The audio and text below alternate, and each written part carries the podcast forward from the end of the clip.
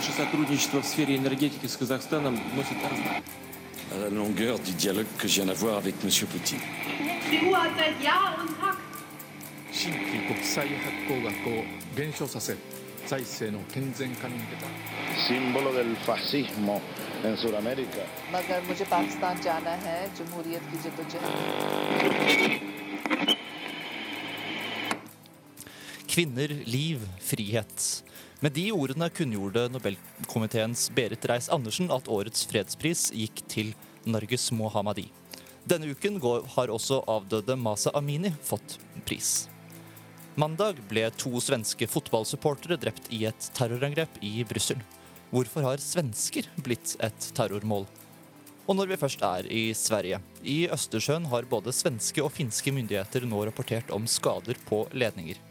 Ødeleggelsene som skjer ett år etter Nord Stream-sabotasjen, anses som mistenkelige. Du hører på utenriksmagasinet MIR her på Studentradioen i Bergen. I studio hører du Live Haugstad Hilton. Jeg er Isak Bartvik Jørgensen. Du er en lytter. Veldig hyggelig at du er nettopp det, og velkommen til Umir. Mr. President, how would you sum up uh, utenriksmagasinet MIR? in a single word. Him, uh, foot, foot, Du hører på utenriksmagasinet MIR på Studentradioen i Bergen. Siste uke hadde vi en spesialepisode her i Umir der vi gikk eh, dypt inn i konflikten mellom eh, Israel og Palestina. Blant annet fikk vi hjelp av eh, Magnus Halsnes her i studio til å forstå det historiske bakteppet, som jo er svært komplisert. Og vi, vi skal ikke gå så veldig dypt inn i det bakteppet i dag. Hvis du trenger en oppdatering på det, så kan du gå og høre forrige ukes episode, som du finner der du hører podkast. Men dette er jo en eh, pågående og svært dramatisk situasjon som, eh, som endrer seg Som utvikler seg hele tiden. Og Live, vi skal jo nå så godt vi kan prøve å, å oppsummere litt hva som har skjedd den siste uken. Mm. Ja, det er jo utrolig mye som har skjedd den siste uken. Eh, blant annet mandag kveld var det angrep ved grensestasjonen Rafa sør i Gaza, som ligger ganske nært Egypt. Ja, ja og dette her er jo eh, en situasjon som nå ser ut til å være ganske prekær, pre- prekær og dramatisk. Altså, det står um, trailere med nødhjelp klar på grensen til å kjøre inn. Det siste nå var vel at FN anslo at de først kan komme inn i morgen lørdag. Det er jo 2,3 millioner mennesker som bor i eh, Gaza-området, og sist fredag ble jo, altså varslet jo Israel at alle måtte flykte fra Nord-Gaza til Sør-Gaza. Det har vel blitt anslått at det er én million mennesker som er på flukt der nå, i et allerede ganske lite område. Og denne grensestasjonen som nå er, eh, som, er stengt fordi eh, egyptiske myndigheter eh, hevder at Israel angriper denne grensestasjonen, den, for, den har, har jo nå da forblitt stengt fordi og, ja, på grunn av det, og nødhjelpen har jo da ikke kommet inn. Og det, det er jo ganske mye nødhjelp som trengs også. Ja, de sier jo at det er rundt 160 lastebiler som står klar for å komme gjennom. Eh, men det ble bestemt at omtrent 20 lastebiler skulle få komme gjennom. Men det er jo litt uvisst hva tid det skjer.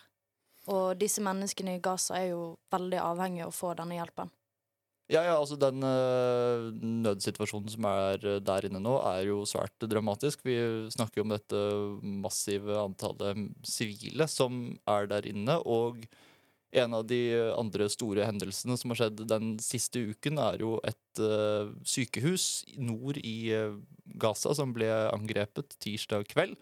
Uh, Av, og her strider jo, strider jo partene veldig om hvem det er som står bak. Eh, Israel hevder jo at det er denne terrororganisasjonen Islamsk hellig krig som har angrepet, mens de og Hamas de sier da at det er israelsk militære. Så her er det jo en Her ser vi allerede konsekvensen av en ganske vanskelig situasjon også ved at fri presse er ikke inne i Gaza. Det, situasjonen der inne er så dramatisk. Det er vanskelig å kunne gå inn og verifisere hvordan forholdene faktisk er. Mm, ja, og det er jo veldig vanskelig eh, å vite hvem som står bak angrepet når de skylder på hverandre. Eh, og ingen vil jo ta skyld for et angrep på et sykehus. Man skulle jo tro at det skulle være fred, da, på en måte. Ja, ja. Og øh, det er jo klart at dette her er jo en konflikt som kommer til å gå utover øh, sivile på, på veldig mange måter. Og det ser vi jo igjen nå, når nødvendig nødhjelp ikke kommer inn fordi Israel har blokkert grensene, så ser vi jo allerede konsekvensene. Men Joe Biden har jo også vært i, øh, i Israel denne uken og gitt sin fulle støtte til til Israel og sagt at USA står ved deres side. Men, men ser vi nå, for å stille et litt stort spørsmål, da, ser vi nå opptakten til en økende dramatisk situasjon i regionen? Hvilken religion? Regi regionen, altså området. Midtøsten, eh, Israel. eh, Det er, jo, det er jo mange aktører som eh, Vi, vi sa jo her før sending så sa vi jo at det er jo, du kan ikke snakke om én konflikt i, eh, i den regionen der uten at du må nevne fire-fem andre. Nei, det virker jo som at landene rundt blir en del innblanda. Spesielt Egypt, som har et økende press på å åpne grensen til Gaza. Ja, og eh, Israels naboland eh, i eh, nord, som jo da altså hvor Hizbollah, den ja, hva skal man kalle det, terrororganisasjonen, eller hva man går for der oppe, som, som jo nå også da De er jo da støttet av Iran, og hvis de eh, går inn eh, over Israel, så kan jo du plutselig ha en konflikt fra flere forskjellige kanter. Ja, det kan bli ganske dramatisk. USA og Joe Biden har jo denne uken også gått ut på, med at de ønsker å støtte Israel med ganske mye penger i denne konflikten, samt Ukraina. Ja, ja. Og øh, der ser vi jo igjen at det er jo sterke parter på, på begge sider her. Altså Midtøsten er nå et stort område. Du har Iran som en mektig, øh, mektig part som, øh, på den siden, og du har USA på øh, Israels side. Så dette er jo en, en konflikt som, ja, som Netanyahu også selv sa øh, da han hadde Storbritannias statsminister Rishi Sunak på besøk denne uken, at dette kommer til å bli en, en langvarig konflikt. Absolutt. Ja, det, det ser sånn ut. Og uh, Iran skal vi jo nå veldig straks uh, snakke mer om, for eh, de, eh, da, de er jo nå da ser ut til å være en aktør i denne pågående situasjonen i eh, Israel-Palestina-området. Men de har jo også eh, hatt en situasjon internt i landet ved at særlig kvinner nå står opp mot dette veldig strenge prestestyret. Det skal vi veldig straks komme tilbake til her i Umir. Today I feel uh, Qatari. Today I feel Arab. Today I feel African. Today I feel uh, gay. Today I feel disabled. Today I feel uh, a migrant worker. Uansett hvordan du føler deg, kan du alltid høre på Utenriksmagasinet MIR på Studentradioen i Bergen, eller der du hører podkast. En eh, svært riktig og velfortjent eh, pris, ble det sagt. eh, I motsetning til da Barack Obama og EU fikk fredsprisene sine, har det i år vært knyttet stor begeistring til at Norges Mohammadi fikk prisen. Og Norges Mohammadi hun har jo da vært en frontfigur i denne kvinne for, altså kvinnekampen i Iran, som har pågått det siste året.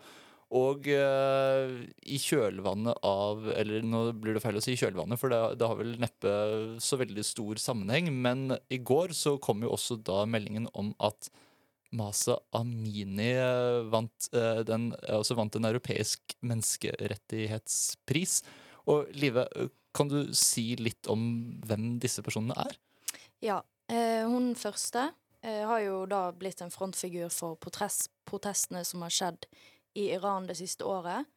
Dessverre, i fjor så eh, ble Norges Mohammed Mo... Nei.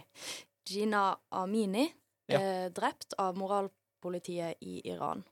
Eh, og det har jo skapt en stor bølge med protester. Mm.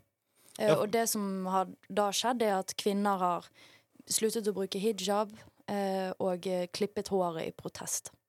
Ja, ja, for uh, Masa Amini ble jo arrestert av moralpolitiet for uh, hva skal man kalle en slags sånn uh, ja, altså det, det, var, det var vel fordi hun ikke gikk uh, anstendig kledd etter eh, standardene og reglene som er eh, der nede. Og eh, da hun da ble drept etter tre dager, eh, gikk det vel bare i fengsel, så, så spredde det da Så vokste jo denne protestbølgen veldig veldig voldsomt. Og den har jo Mm. pågått siden. Og det, det ser vi jo nå at det, det blir jo lagt merke til også internasjonalt. Ja, det har jo spredd seg globalt med visse videoer i mediene av brutaliteten kvinner møter i Iran. Eh, mange videoer viser jo kvinner som blir slått bare de bruker, viser hår. Ganske alvorlig. Ja. Ja, for vi kan jo ta litt det historiske perspektivet her. Altså, Iran har jo en gang i tiden vært et ganske vestlig orientert, vennlig land, men øh, under Shahan som styrte der som et monarki.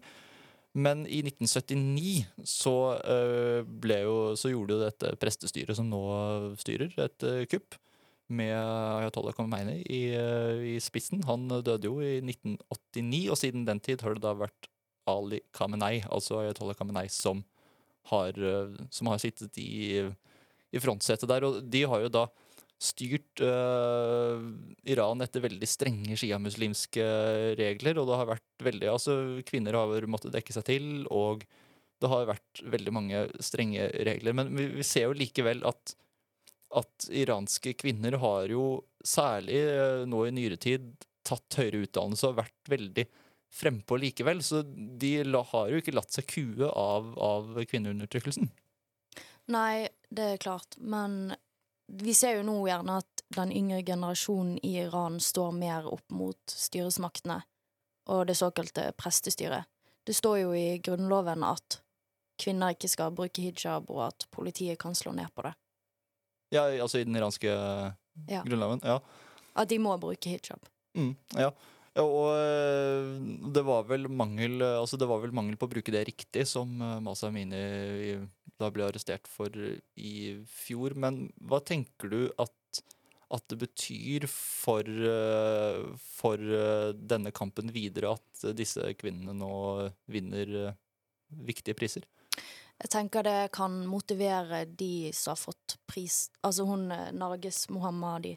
Det kan motivere hun til å fortsette kampen. Hun sitter jo i fengsel i Iran eh, fordi hun har kjempet for undertrykking av kvinner.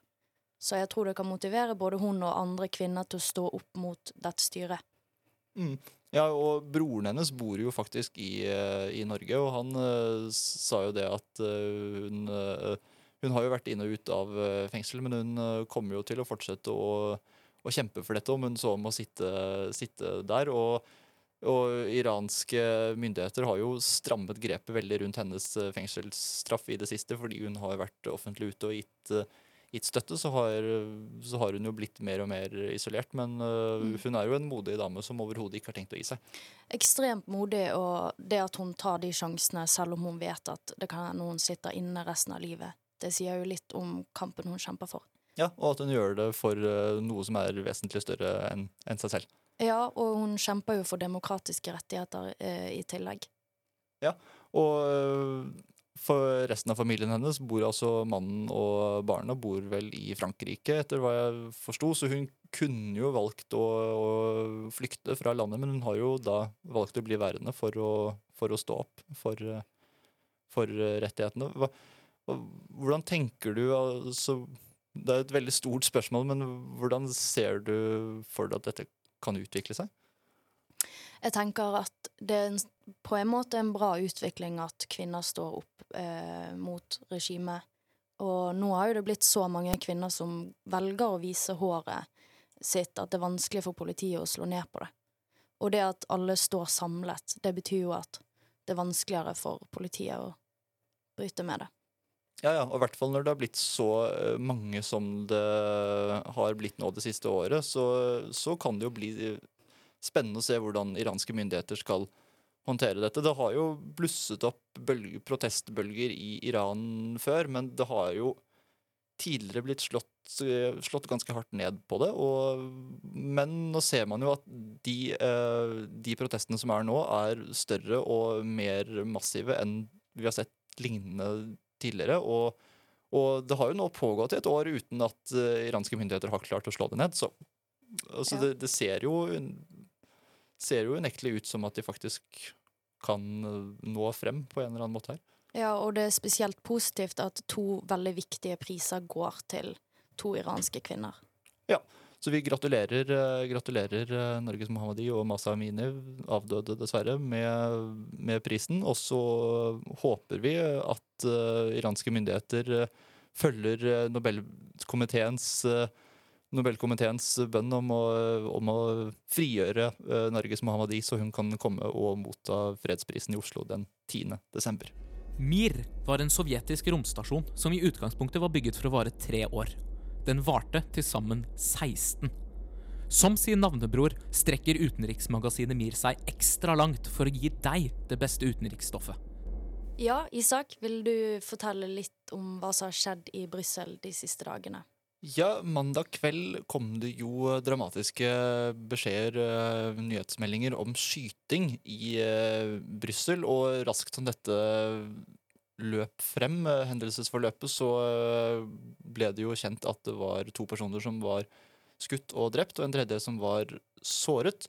Og at uh, han som skjøt, altså gjerningsmannen, uh, erklærte at han hadde en slags, en slags, tilknytning til IS. Nå er vel ikke det bekreftet på noen måte, men uh, han skal jo da ha ropt uh, Alu Akbar når han, når han utførte dette angrepet. Og det har, det har jo blitt blitt uh, kalt et terrorangrep. Det er vel uh, ansett som det. Og uh, de to som da ble skutt og drept, er jo da svenske, svensk, altså svenske statsborgere, svensker, som var der nede i Brussel i forbindelse med en fotballkamp mellom Sverige og Belgia. dette er kanskje vanskelig å svare på, men vet du, har du en tanke om hvorfor det var akkurat svensker det skjedde med?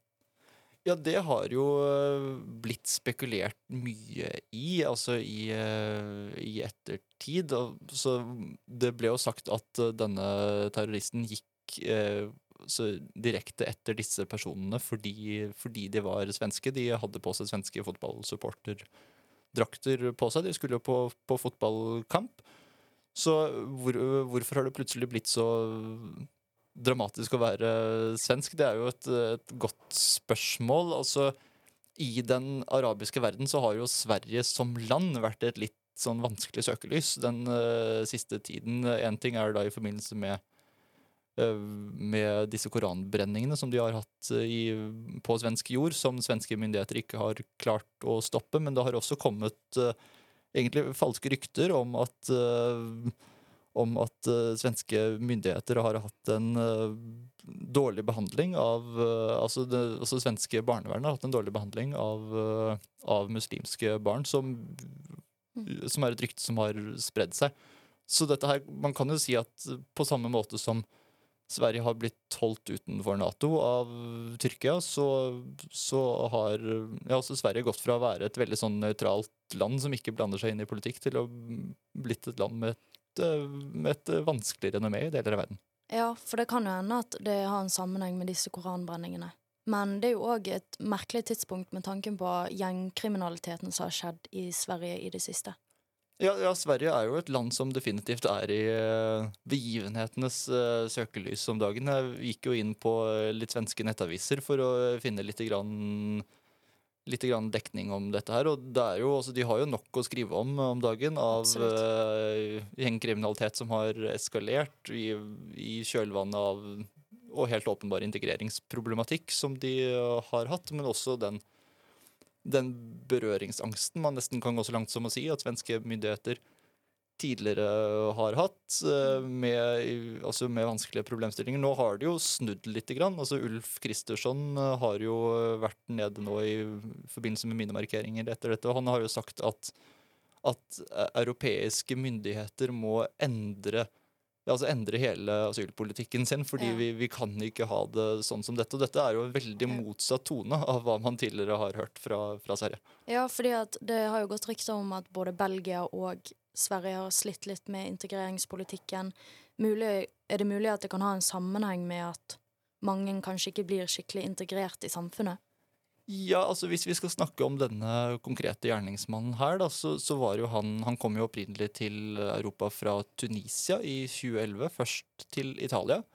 Og så faktisk hit til uh, Norge. Fetteren hans bor jo i Oslo og ble intervjuet på Dagsrevyen uh, onsdag. Han var jo sjokkert over at uh, en nær familie, altså nær slektning som hadde bodd hos han da han var i Norge, eh, kunne gjøre noe sånt. Og han fikk jo avslag på asylsøknad her og i Sverige, og har fått det i Belgia, men har blitt værende i Belgia da i, i mange, mange år. Mm. Og en av de tingene som Ulf Kristersson pekte på som et problem her, var jo nettopp eh, det at man kan reise rundt i Europa i så mange år med falsk identitet. Og det, er jo åpenbart noen, Ja. noen utfordringer som ligger For til bunn her. han hadde ikke fått godkjent eh, opphold i Belgia, stemmer det? Nei, han hadde fått avslag. Og Ja. jeg, nå husker ikke jeg helt nøyaktig når han fikk det avslaget, men han har jo blitt værende.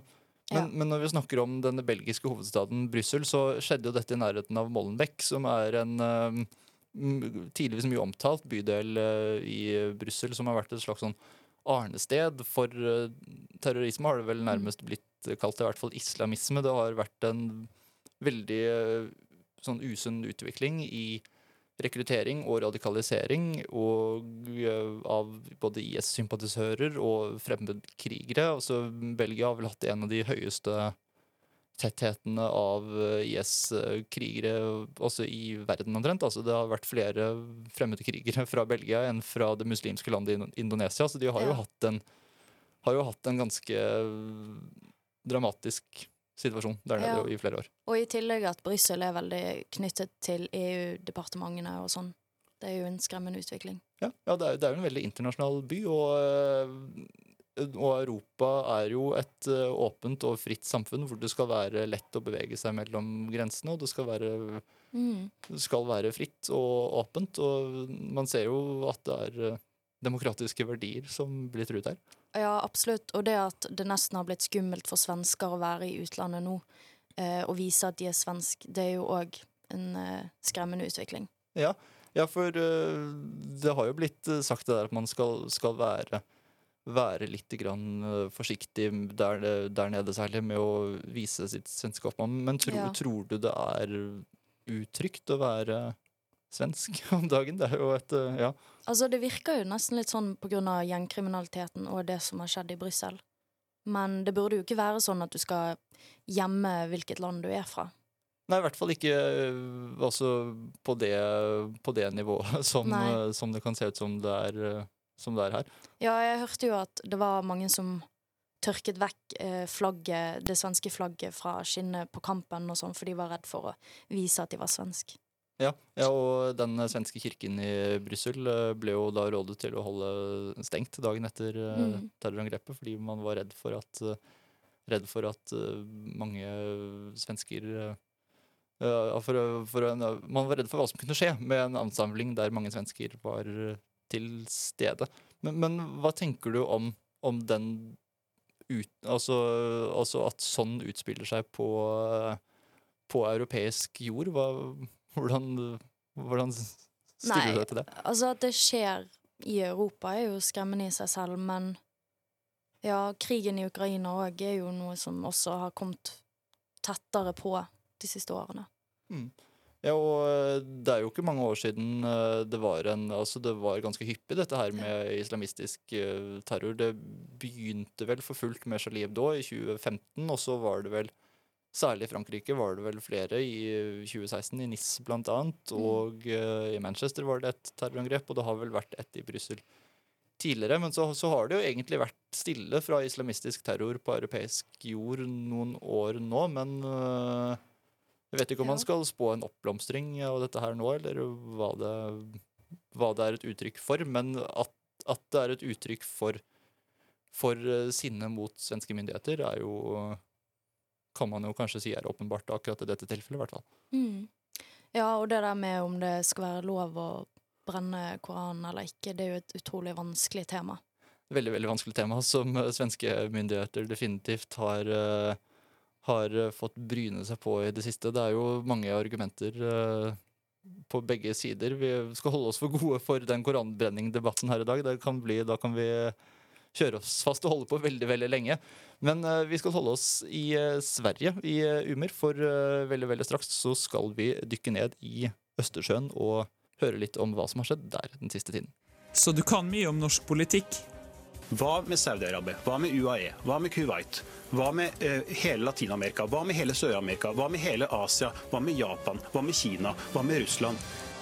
Hør på utenriksmagasinet MIR, og få med deg hva som skjer i resten av verden også. Ja, midt i eh, alle andre dramatiske utenriksnyheter som eh, har preget eh, bildet den siste tiden, har det som trolig ellers ville blitt en ganske stor sak, her i Norge i hvert fall, nærmest druknet. Vi skal nå dykke ned i bunnen av eh, Østersjøen, der det et, ifølge svenske og finske myndigheter eh, den siste tiden har skjedd flere, eh, altså flere kabelødeleggelser. Og i denne saken er det jo egentlig nesten lettere å si hva vi ikke vet, enn hva vi vet. Men uh, Live, hva, hva vet vi så langt? Ja, eh, det er jo litt vanskelig å vite nøyaktig hvem som står bak, eh, og om det skyldes eh, menneskelig aktivitet, eller om det er skader som er forårsaket av andre årsaker. Men eh, i hvert fall 8. oktober så falt plutselig trykket i Baltic Connector, som er en gassrørledning som forbinder det finske gassnettverket med resten av Europa. Og gasslekkasjen ble lokalisert i Finlands økonomiske sone. Ja, og denne nyheten kom jo eh, da dagen etter eh, at dette gasstrykkfallet skjedde den 8. oktober. Men altså, datoen her er jo verdt å legge merke til, for det var jo da dagen etter at situasjonen eh, eskalerte i eh, Israel og Palestina. Så dette var jo en nyhet som veldig raskt forsvant. Men, men finske myndigheter var jo raskt ute der og sa at uh, dette her regner vi med skyldes ekstern aktivitet, var vel ordene de brukte. Og så vet vi ikke så veldig mye ennå. Dette er under etterforskning, og, og kabelen, altså kabelen ble ødelagt, men likevel så ser det ikke ut til å være en dramatisk situasjon for verken Finland eller Europa, fordi altså denne gassen, denne gassen eh, er jo Altså, de er jo ikke veldig, veldig avhengig av den per nå, og den kan repareres igjen til vinteren. Mm. Hvor det da kan bli mer dramatisk. For så vidt eh, er ikke det sikkert det vil påvirke Finland så mye, men det er jo den gassrørledningen som kobler Estland og Finland, og hovedsakelig Finland, til det europeiske gassnettverket. Ja, og eh, det vi så etter at eh, denne Nord Stream-kabelen eh, som ble sabotert den 25.-26. september i fjor Dette var jo en kabel som går mellom Russland og Tyskland. Hvor man vel fortsatt ikke har fått det endelige svaret på hvem som står bak. Men det, det er jo en måte å sabotere det europeiske kraft... kraft markedet på, og det, det, har jo vært en tøff altså Vi har lagt en tøff vinter bak oss i Europa med gassmangel og svært høye priser. Og, og når dette nå skjer igjen på starten av en ny vintersesong, så, så kan det bli dramatisk for Finland dersom de opplever at, at denne kabelen blir så ødelagt at de at de rett og slett ikke At de får gassmangel og skyhøye priser. Ja, og det er vanskelig å forutsi i måneder fremover hvordan den hendelsen kommer til å påvirke Finland og Europa. Men vet vi egentlig hvem som står bak?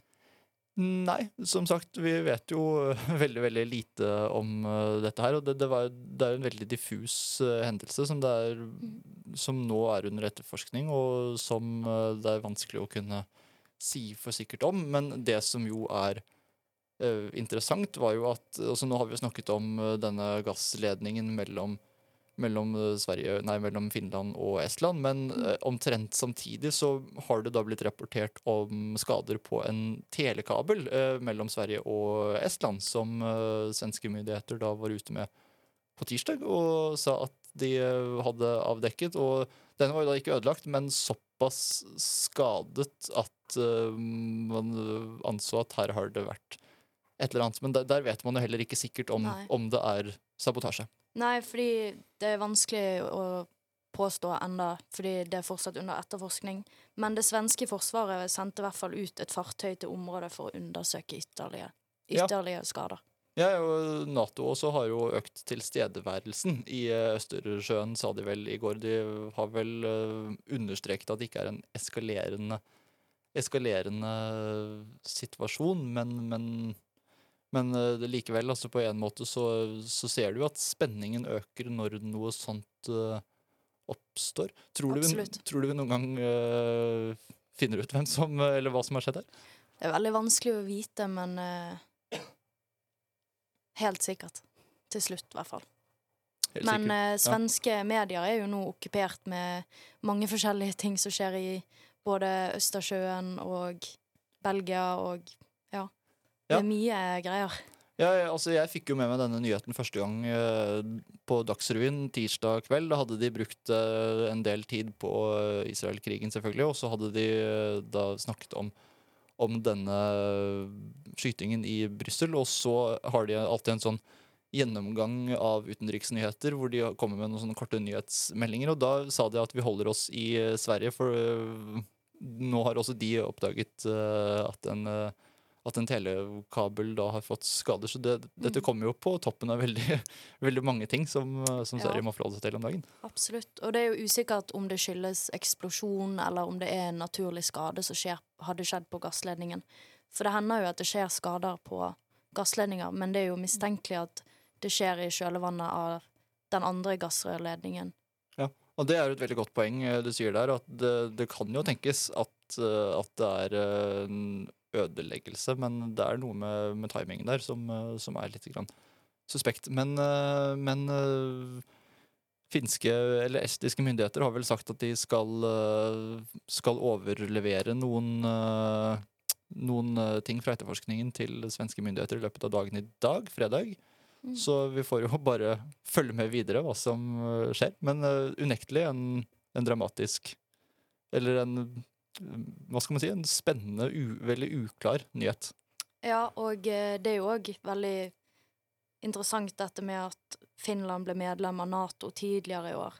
Det er jo veldig Man vet ikke om det er en kobling, men det er jo litt mistenkelig. Ja, ja du, du hadde vel funnet noen finske kilder som hadde, som hadde antydet det men, eh, i BBC, men det var vel eh, egentlig ganske sånn kort og diffust, vel? Mm. Ja, det er jo vanskelig å si om det er 100% riktig eller ikke.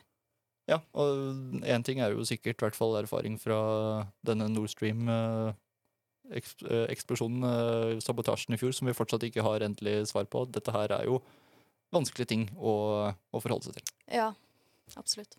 Verden trenger ikke mer dårlig nytt, men dessverre. Alle de kjipe nyhetene og mer får du høre om i utenriksmagasinet MIR. Ja, nok en uh, dramatisk uh, uke legger vi bak oss her i uh, utenriksmagasinet MIR og i verden for øvrig. Vi har jo da fulgt denne dramatiske utviklingen i Israel og Palestina videre, og det er vel neppe siste gang, dessverre, vi må ned dit og snakke om utviklingen der. og Skytingen i eh, Belgia, som nok ellers ville blitt en veldig veldig stor eh, nyhetssak, har jo nesten kommet i skyggen av dette den siste uken. Og krigen i Ukraina har jo gått sin gang uten at vi i det hele tatt har fått nevnt den i denne sendingen. Så det er vel mye som tyder på at vi ikke blir arbeidsledige, vi som dekker utenriks, utenriksnyheter med, med det første. Men eh, dagens sending av utenriksmagasinet MIR den har nå gått helt mot slutten. Og eh, Live Haugstad Hilton og Isak Børtvik Jørgensen takker for at du hørte på i dag. Produsent for sendingen har vært eh, Magnus Nordahl Røtnes, og ansvarlig redaktør er Sofie Larsen Nesdal. På gjenhør.